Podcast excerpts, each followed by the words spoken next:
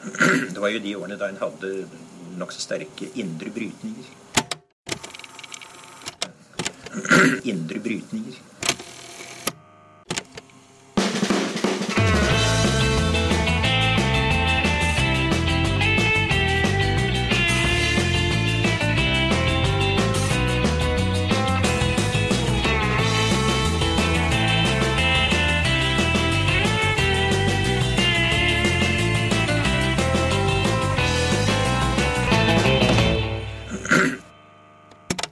Velkommen til Noen har snakket sammen. Mitt navn er Tiril Rustan Halvorsen. Og jeg heter Aksel Fjelldavli.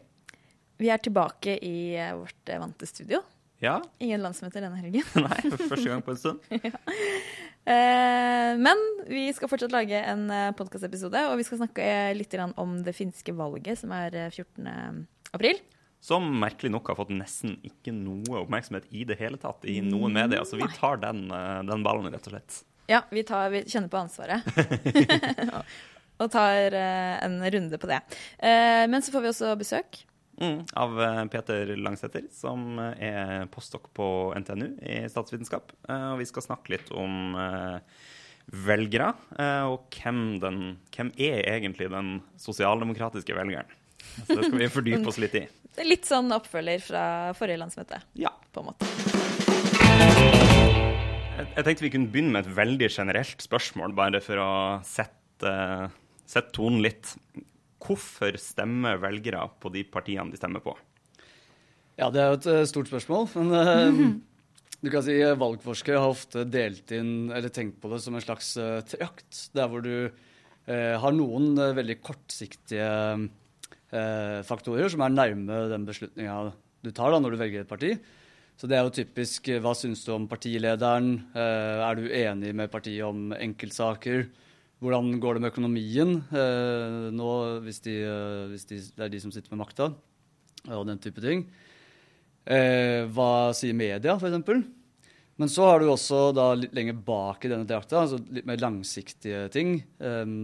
som gruppelojalitet og, og ikke minst sosial bakgrunn. Da. Så kjønn og, og alder og utdanning, klasse, eh, religion og den type faktorer da, som på en måte ligger bakerst.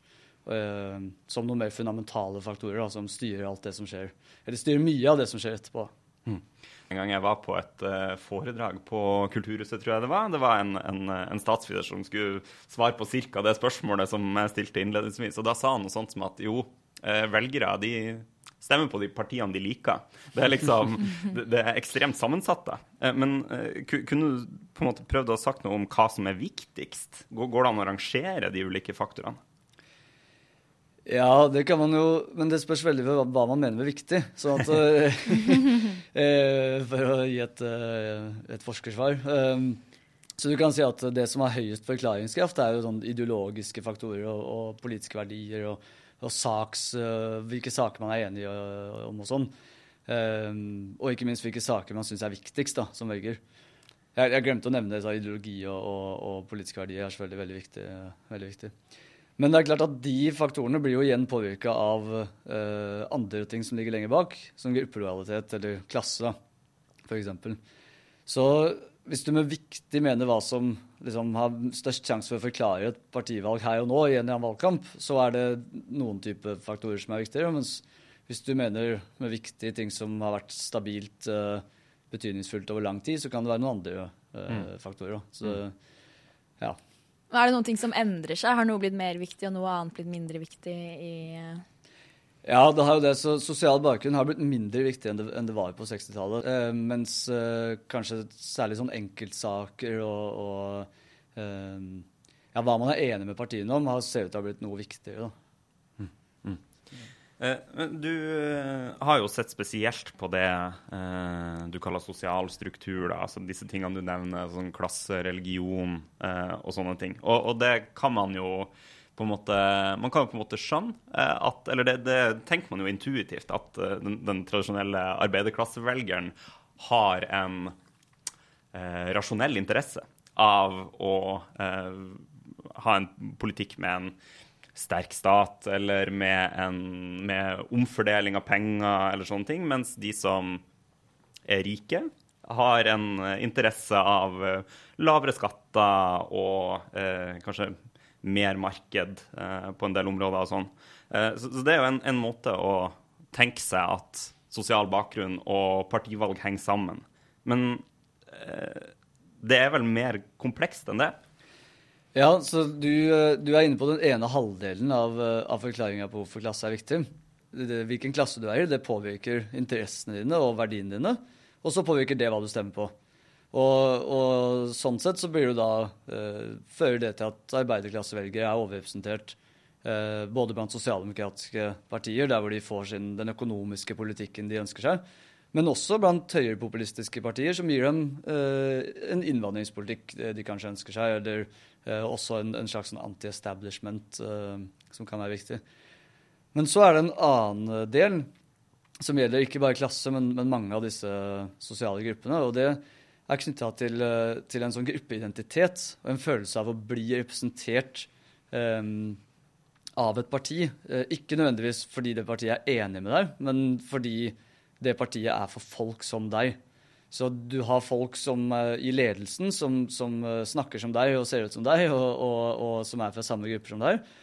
Og, og, partiene kan appellere til grupper som sådan, uten å nødvendigvis si noe om politikken sin. Men bare si Se på Frp sin, sin eh, Når Fremskrittspartiet fremstiller seg som eh, partiet for folk flest, eller, eller når de snakker om liksom vanlige arbeidsfolk og sånn, det er jo appeller til uh, en viss gruppe, en viss sosial gruppe, da, som øker den, den gruppas følelse av å bli representert av det partiet. Mm. Er det dette som sånne som Fukuyama f.eks. snakker om som identitetspolitikk, eller er det noe annet? For det er et veldig vanskelig spørsmål med Fukuyama om det er, om det liksom, er til den, om, det er den, om det er den samme type fenomen som det man ser når man, når man har konflikter om, om, hvem som skal være på pensum i, i, uh, mm. i, uh, på toppuniversitetet i USA. Um, så, men, men, eh, men, det er jo en form for identitetspolitikk i den forstand at det handler om identitet og politikk. Eh, mm. Og at identitet er viktig. Og, og, og, det jeg forsøker å Eller det jeg mener at jeg finner i avhandlinga, er at det er viktigere enn man tidligere har tenkt. Mm. Sånn at en, en, eh, større del av klasseforskjeller og, og religiøse forskjeller i stemmegivning eh, skyldes disse gruppebåndene mellom, mellom, grupper og partier. Eh, og, og de kan oppstå f.eks. For fordi man er fagorganisert og derfor tenker at eh, ja, Arbeiderpartiet er partiet for fagorganiserte, eller at man er i et bedehusmiljø og derfor tenker at KrF er bedehuspartiet, eller Ja, ikke sant. Så de kan både oppstå Det er jo to sider av saken. altså Den ene siden er at de sosiale gruppene må jo eh, gjøre et eller annet for å Så enten fagforeningene eller eh, kirken eller en eller annen noen må på en måte sette i gang uh, og tenke på, på, gruppa på den måten. Men så må også partiene knytte seg til den gruppa. Og det kan de gjøre enten ved å bare Ja, sånn som Arbeiderpartiet. Bare navnet til Arbeiderpartiet knytter seg til en spesifikk gruppe. Mens bakgrunnen til Jonas Gahr Støre kanskje ikke gjør det. Ja, ikke sant? Akkurat. Um, og så er det også, Men man kan også knytte seg til seg grupper ved å, ved å ha føre en politikk som gagner den gruppa i en periode. Og så uh, går man bort fra den politikken, eller det, eller det politikkområdet blir mindre viktig senere, og så beholder man likevel tilknytninga. Mm. Så det er f.eks. det vi ser med katolikker i Storbritannia, som er overrepresentert blant Labour sine velgere. Uh, ikke fordi at de nødvendigvis liksom uh, er så veldig enig med Labour i moralske spørsmål, eller noe sånt, men, men, heller fordi at Labour tidligere har tatt på seg en, en rolle hvor de har forsvart irsk selvstyre og ja. Så Labour er liksom partiet for katolikker i ja, det mm. kan man vel si. Mm. Mm. Og det samme med demokratene i USA har jo hatt uh, oppslutning blant uh, afroamerikanere. Uh, disproporsjonalt høy oppslutning uh, veldig, veldig lenge, da. Mm. Som også ser ut til å Det er noen Disse klassiske valgforskerne på 60-tallet mente at det skyldtes New Deal da, fra 30-tallet. Mm. og den type bånd kan overleve veldig lenge.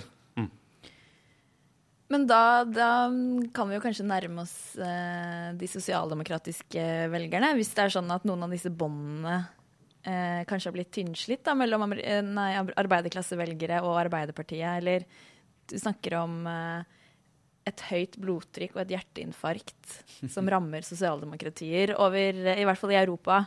Um, hvordan henger det sammen med det vi snakka om nå? Hvis, man, hvis, man, ser på nedgangen til sosialdemokratiske partier, så mener jeg det er to ulike typer nedgang.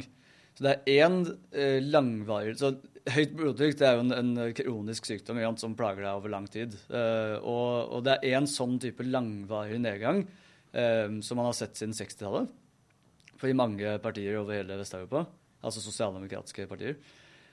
Eh, og den har, nok, den har, noen årsaker. Eh, og så har vi hatt noen hjerteinfarkt i kjølvannet av finanskrisa, hvor partiene plutselig har, har gått ned 10-15-20-30 prosentpoeng. Eh, veldig veldig dramatisk. Og det mener jeg er et litt annet fenomen, med litt andre typer forklaringer da, enn enn denne langsiktige, mer mm. strukturelle nedgangen. Og Den strukturelle nedgangen det, det handler om gruppebånd som er vanskeligere å opprettholde? Altså at de har blitt svekka? Eventuelt hvorfor har det skjedd? Ja, både og. Så, så det handler det er noen litt ulike faktorer. Jeg vet ikke om, om det vil ha alle, eller Nei, men ta, ta, noen av de viktigste. Ja, så, så, de, så uh, det, Noe av det første er jo basert på dette valgdilemmaet til uh, eh, Chevorsky og, og Sprague, um, en bok fra 80-tallet som liksom sier at de kan ikke, sosialdemokratene kan ikke vinne valg uh, med arbeiderne alene. Så de må ha, Fordi arbeiderne er ikke flertall. Så de er nødt til å ha en koalisjon av velgere med både arbeidere og middelklasse. Uh, men det setter dem i et dilemma. For jo lenger de da går, går i å forsvare middelklassen, jo flere arbeidere kommer de til å miste. Og, um, og motsatt. Og motsatt. ikke sant? Og så har det problemet blitt enda mer alvorlig av at arbeiderklassen har blitt mindre og mindre over tid. Eh, så det er en slags sånn strukturell utvikling i samfunnet som, eh, som, svekker eh, Eller som gjør det dilemmaet vanskeligere.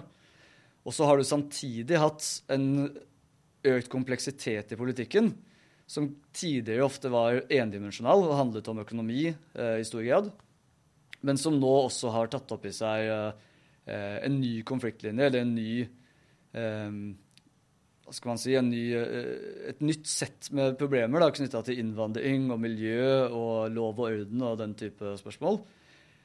Og det gjør dette valgdilemmaet enda vanskeligere for de sosialdemokratiske partiene. Fordi mens du, vet, du kan si du har, du har middelklassevelgere som også er venstresiden i politikken, økonomisk politikk, mm. særlig da den type sånn eh, Det vi gjerne kaller for sosio eh, kulturelle spesialister, eller altså folk som er professor eller lærer eller eh, journalister eller den type ting, de, de er ofte venstreorientert i økonomiske spørsmål. Um, så selv om du har en konflikt mellom middelklassen og arbeiderklassen, så fins det jo så er jo alle som stemmer på sosialdemokratiske partier, er jo noenlunde venstreorientert i mm. økonomiske spørsmål. Mm. Men en del av disse andre konfliktlinjene du snakker om, går på en måte tvers igjennom arbeiderklassen og middelklassen. Ja, nettopp. Ja. Uh, og, og, er, og, det å skape mye større Så innvandring f.eks. er mye mer polarisert. Uh, og, og disse, disse, gruppene som, disse, gruppene i middelklassen som er venstreorientert i økonomiske spørsmål, de har, har også en tendens til å være veldig positive til innvandring sammenligna med arbeiderne. Så du kan si, Mens det ikke er så vanskelig å bygge en allianse i det gamle valgdilemmaet, så er det kanskje vanskeligere i dag. Hvor, og, og, også miljøet, da, som, hvor, hvor, disse tingene både både miljø og innvandring er ting hvor folk i ulike klasser har, og ulike utdanningsgrupper har ulike interesser. rett og mm. Men ikke bare har politikken, altså partikonflikten, blitt mer komplisert, men også på en måte økonomien har jo blitt mer komplisert. Når du snakker om liksom hvordan hvilken jobb man har, har mye å si, så er det jo mer sammensatt hvilken jobb folk har i dag. Det er jo ikke lenger de her 1000 personer som jobber på en fabrikk, og alle stemmer Arbeiderpartiet. Nei, riktig. Så en annen sånn strukturell utvikling er jo nettopp at uh, fabrikkene, eller arbeidsplassene, har blitt mindre. Uh, er det i hvert fall noen forskere som, uh, som har vært opptatt av. Da. Og så mener jeg at det, det, det skaper to typer problemer for Arbeiderpartier. Det ene er at det er vanskeligere å få folk inn i fagforeninger når de er, når de er spredd rundt på mange små arbeidsplasser. Og det andre er at det er vanskeligere å bygge en slags sånn arbeideridentitet. Den er mye lettere å få til. Det er mye synligere hva som er Eh, klassestrukturen på en måte på en stor fabrikk med en uh, sjef på toppen og en ledelse som er litt fjern.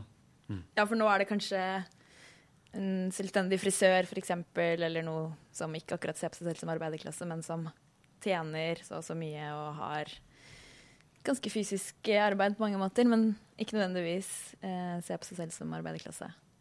Ja, ikke sant. Og de kan også være selvstendig næringsdrivende, som mm. er en egen gruppe igjen.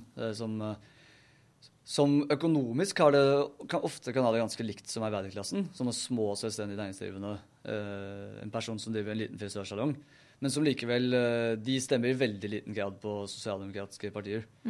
Hvis vi, hvis vi går eh, videre til disse litt mer kortsiktige endringene i sosialdemokratiske partier sin oppslutning, altså det du kaller for hjerteinfarkt, eh, hva, hva går det ut på? Ja, eh, så det er jo en, et, en hel serie med partier som har blitt eh, knust i, i Vest-Europa de siste ti årene. Eh, og, det er jo stort sett et fenomen som har gått utover sosialdemokratiske partier, ikke så mange andre. Så det er det jeg kaller hjerteinfarkt. Et plutselig kraftig nedgang på kort tid. Og det tror jeg, så det er vanskelig å knytte disse langsiktige strukturendringene til eh, disse hjerteinfarktene, selv om de kanskje kan ha lagt eh, grunnen for den type problemer. Så det jeg har forsøkt, er å se på eh, Ta utgangspunkt i en, eh, en eh, tidligere altså en, Han er død nå, men en statsviter som heter Peter Mair, som lanserte en slags Eller han har påstått at partiene har blitt for opptatt av å være eh, ansvarlige altså responsible er liksom uttrykket, da, eh, overfor internasjonale institusjoner og, eh, og eh, så finansmarkedet og EU og WTO osv. Eh, og mindre opptatt av å være responsive, liksom lytte til og følge opp det folk ønsker seg. Eh, og han, så han sier vel tror jeg at, at partiene har blitt mer opptatt av å representere Der hvor de tidligere representerte folkets interesser til staten, så representerer de nå statens interesser til folket. Um, og, så jeg tok utgangspunkt i det. Det skrev han i 2009, før liksom, disse partiene begynte å falle. Uh, og så prøvde jeg å se på ja, hva er, det, hva er det disse partiene som har blitt knust, hva er det de har gjort? De har jo nettopp tolket uh, De har sittet med makta og uh, tatt Og det er jo en dårlig idé når det er finanskrise å sitte med makta. Ja, det, kan, det, det er det, men, men, men uh, høyresidepartiene som har sittet ved makta, har ikke blitt knust på samme måte.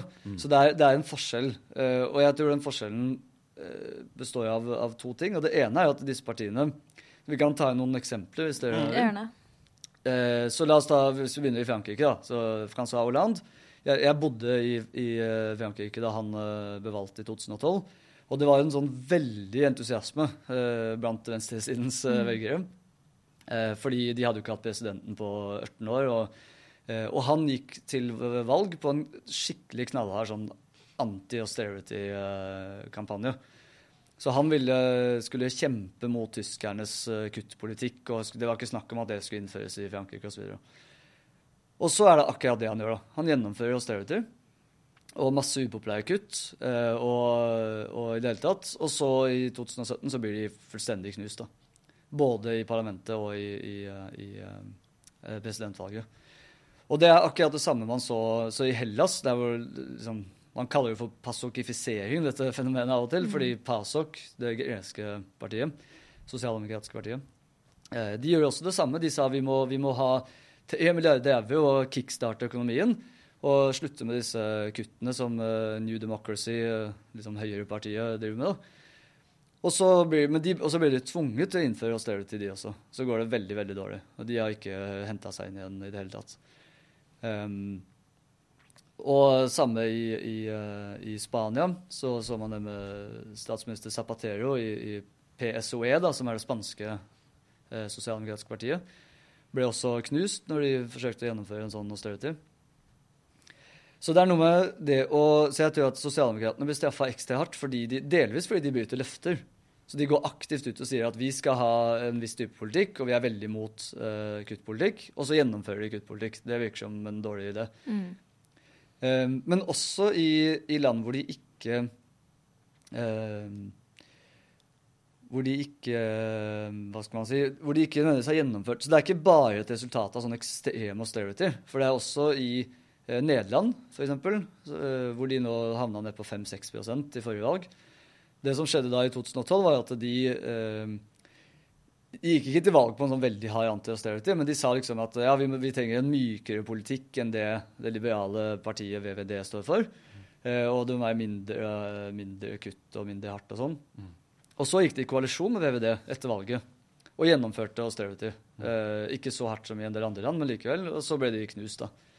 Eh, og også i Norge så har jo Jens Stoltenbergs første, første gang han styrte, i 2001, på å kutte, privatisere eh, statsselskaper og, og reform av offentlig sektor og sånn, så gjorde de også sitt dårligste valg eh, mm. noensinne etter krigen, hvis jeg husker riktig. Mm. Så det ser i det hele tatt ut til at disse hjerteinfarktene, enten særlig de veldig store som har vært etter finanskrisa, men også mindre hjerteinfarkt før finanskrisa, um, ser ut til å komme i kjølvannet av at uh, sosialdemokratene har blitt for like sine um, motparter på høyresiden. Eller til og med styrer sammen med dem. Men så har du jo samtidig uh, sosialdemokratiske partier som har uh, gått til høyre som har vokst. Tenk Tony Blair under, eh, altså på 90-tallet. Var jo enormt mm, populær. Mm, mm. Så, så, jeg lurer på om kanskje um, Bare en arbeidshypotese fra meg, da. at uh, det ikke nødvendigvis er bare hvilken politikk man fører, men i hvilken grad man tydelig tar ansvar og tydelig er et alternativ. Altså Tony Blair var jo også han sto jo for et nytt alternativ, på en måte. Selv om politikken hans eh, nok kanskje lå til høyre for en del eh, av de eksemplene som, som du gir fra, fra finanskrisa. Mm. Og et veldig viktig poeng til er at uh, dette, var ikke, dette, var annerledes på 90-tallet. Men så det fins Jeg tror det er viktig å understreke det fins aldri én uh, Altså én forklaring kan endre seg over tid. Ikke sant? Så det er ikke sånn at uh, sosialdemokrater alltid vil tjene på å gå mot venstre eller alltid vil tjene på å gå mot høyre, men det avhenger jo av konteksten de, de opererer i.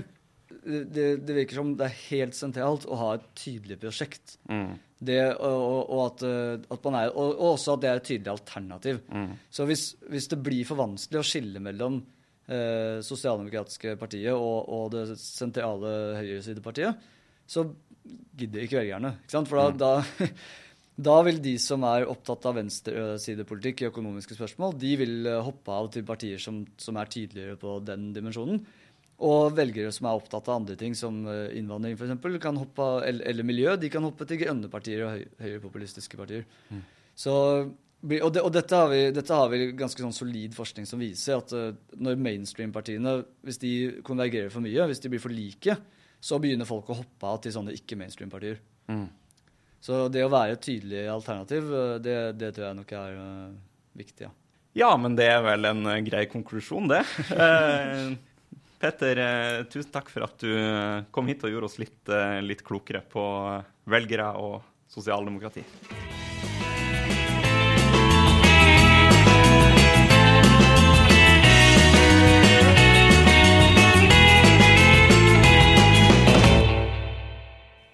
Som nevnt så er det da eh, valg i Finland på eh, søndag. Og eh, for å forstå dette valget, Aksel, hva, hva er det man først og fremst må vite om, det, om finsk politikk. ja, eh, finsk politikk er jo eh, Det blir jo ikke dekt så mye i, i, Norge som svensk politikk og dansk politikk, og for så vidt eh, britisk og tysk politikk. Og det handler jo sikkert om at språket er annerledes. Uforståelig. ja.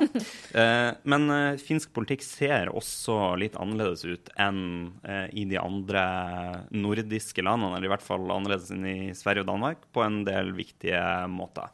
Uh, en ting man trenger å vite, er jo at, uh, at uh, Finland ikke har den samme hva, skal vi kalle det, blokktradisjonen som vi har i f.eks. i Norge. I Finland så har man et Senterparti som på mange måter ligner på Senterpartiet i Norge. Det er liksom et sånn tradisjonelt sånn landbruksparti, men som har hatt rollen siden andre verdenskrig litt som Arbeiderpartiet i Norge. Litt som statsbærende parti. Mm. men så har man hatt så man har samarbeidet litt i begge sider? Ja, det er litt sånn regnbueaktige koalisjoner. Ja, altså de, de har samarbeida både, både, til høyre og venstre. Så er det jo unntak fra det der Senterpartiet ikke har sittet i regjering, selvfølgelig. Men, men det har vært, eh, har vært, litt sånn uh, på, på, kryss og tvers, de samarbeidskoalisjonene. Siden forrige valg så har det vært ei regjering bestående av uh, Senterpartiet uh, og Samlingspartiet, som nå kan sammenlignes med Høyre i Norge, og um, Altså det partiet som heter Sannfinnlenderne, eller Sannfinnene, som er et høyrepopulistisk eh, parti, men ikke med like tydelig høyre sideprofil i økonomisk politikk som, eh, som Fremskrittspartiet. Um, det partiet har blitt delt i to. um, fordi eh, um, deler, store deler av partiet var misfornøyd med regjeringsdeltakelsen, så det har blitt delt inn i et sånn ministerparti, altså liksom det øvre sjiktet i partiet, som Ja. heter eh, Blå framtid, eh, som har gjort det skikkelig, skikkelig dårlig på målingene, ligger rundt 2 eh, og Sandfinlenderne, som er resten av det gamle eh, Sannfinnlenderne, som sitter i Ja, og de ligger på sånn 13-14-15 ja, ja, rundt der. eller noe sånt. Ja, eh, Du nevnte at eh, regjeringen gikk av, og akkurat det sto det litt om i norske aviser. Mm. hva var det de gikk av på. Ja, nå rett det, før valget? Det er jo Altså, hvis det to, ting man tre, trenger å vite om det finske valget Det ene er at systemet ser litt annerledes ut. Det andre er eh, at det, den store valgsaken eh, er eh, noe de kaller for SOTE-reformen. Som er en stor reform de har snakka om i 15 år i, i Finland, av velferdssektoren. Altså både deler av det vi i Norge kjenner som Nav, og helsesystemet. Som man, denne regjeringa som har sittet, har ønska å flytte fra eh, kommunalt nivå til et regionalt eh, folkevalgt eh, nivå. Eh, og det, denne saken har vært så mye av en prestisjesak for sittende regjering at når de ikke fikk flertall for den i parlamentet, så gikk de av eh, nå rett før valget. eh, for å si at dette, dette er en så viktig sak for oss. Jeg ser jo for meg at en sånn reform kan ha mange konfliktlinjer, og det kan by på mange problemer. Um, hva er det de ulike partiene Eller hva er det som er viktig for Senterpartiet, f.eks., og hva er det de andre partiene Ja, det er jo litt som man kan eh, tenke seg fram til. Eh, For Senterpartiet har det bl.a. vært viktig at man skal ha 18 regioner og ikke 10. Så litt ligner det på norsk Ja, det, politikk. det og, så har man et eh, sånn parti for de som har svensk som språk i Finland, som, eh, som på en måte er veldig stort blant de svenskspråklige, men ganske lite eller ikke-eksisterende blant de andre. Og for de har det vært viktig at man skulle snakke svensk i disse, eh, disse nye eh, helse... Foretakene, Ja, ikke sant? si. Ja. Og for Samlingspartiet så har det, det Noe av det sentrale som har vært konflikten mot det sosialdemokratiske partiet, har vært i hvor stor grad skal man ha markedsløsninger og privatisering av velferdssektoren. Sånn at eh, eh, SDP, altså det sosialdemokratiske partiet, eh, flyr ganske høyt på målingene. De er det største partiet akkurat nå, fordi at de er eh, tydelig imot eh, Et tydelig alternativ, ja, ja, rett og slett. På, på, uh, mot privatisering Ja. eh, og profitt i velferden. På, Så dette blir også hovedsaken i valgkampen? ja, Eller har eh, vært, da. Det har det vært. Eh, og eh, sånn som det ser ut nå, så kommer eh, Sosialdemokratene til å bli det største partiet i, eh, i det valget her, med eh, Antti Rinne, som er leder i det partiet, som, som ny eh, finsk, eh, finsk statsminister. Og Sosialdemokratene er jo heller ikke det eneste, det eneste partiet på venstresiden. Nei, ikke sant? De, altså, det er litt uh, Altså fordi at man har denne litt sånn regnbuetradisjonen, så er det ikke helt åpenbart hvordan den regjeringa vil se ut. Men uh, du har et parti til venstre for for sosialdemokratiet som er litt sånn Rødt-SV-aktig, som de har sagt at de er en aktuell samarbeidspartner. eh, Og De Grønne, som ligger rundt 15% i Finland, eh, som er en aktuell samarbeidspartner. Og potensielt også Senteren. Er det, hvis Senteren ikke eh, går inn i den nye regjeringen, som kanskje er sammen med eh, Sosialdemokratene, er det da en grunn til å se for seg en eller en større grad av blokkdannelse i finsk politikk også? Altså, Jeg mener jo at det er en tendens til det allerede. Eh, Det som skjedde etter, eh, etter finanskrisa, var jo at sa- Sandfinnene vokste fra å være et sånn rundt 5 %-parti opp til en 15-20-25 eh, fordi at de var tydelig EU-kritisk. Eh, og, uh, og, og kritisk til at Finland skulle betale penger til Sør-Europa. Uh, ja. Og, og det har gjort at høyresida har fått eh, et flertall sammen for eh, bl.a. de her eh, markedsløsningene i velferdssektoren, eh, som de ikke hadde tidligere. Sånn at det er en, en tydeligere høyre-venstre-polarisering fordi at eh, høyresida kan lene seg på støtten til sandfinnene, som er med på det meste så lenge de får være innvandrings- og EU-kritiske. Men også kanskje fordi en sånn helt tydelig høyre-venstre-sak som privatisering mm. er øverst på agendaen. Ja, ikke sant. Ikke sant.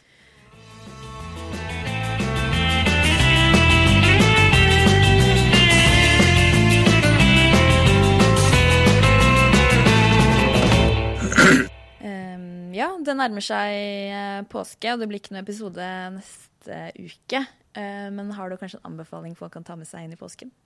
Det har jeg. Eh, Jeg syns jo valgomater er veldig gøy. Eh, Og det finnes også finske valgomater eh, på svensk eller på engelsk. Så det kan man, kan man google seg frem til. Det er flere av de, de finske mediene som har valgomat på, på forståelig språk. Enn du? Ja, jeg tenkte å anbefale en bok, eller egentlig en triologi, som, eh, hvor to av bøkene er ute. Og den, andre, nei, den siste venter jeg på. Det er da Lars Saabye Christensen som skriver 'Byens spor' om Oslo på sånn 50-60-tallet. Og det er veldig, jeg syns det er veldig bra. Og jeg drømmer at jeg går i disse gatene i Oslo. Så levende er det, er det skrevet. Så hvis du vil ha noe bra å lese i påsken, så anbefaler jeg eh, de bøkene. Bra påsketips. Eh, ja. OK, da snakkes vi over påsken. Mm. Takk for nå. Ha det bra.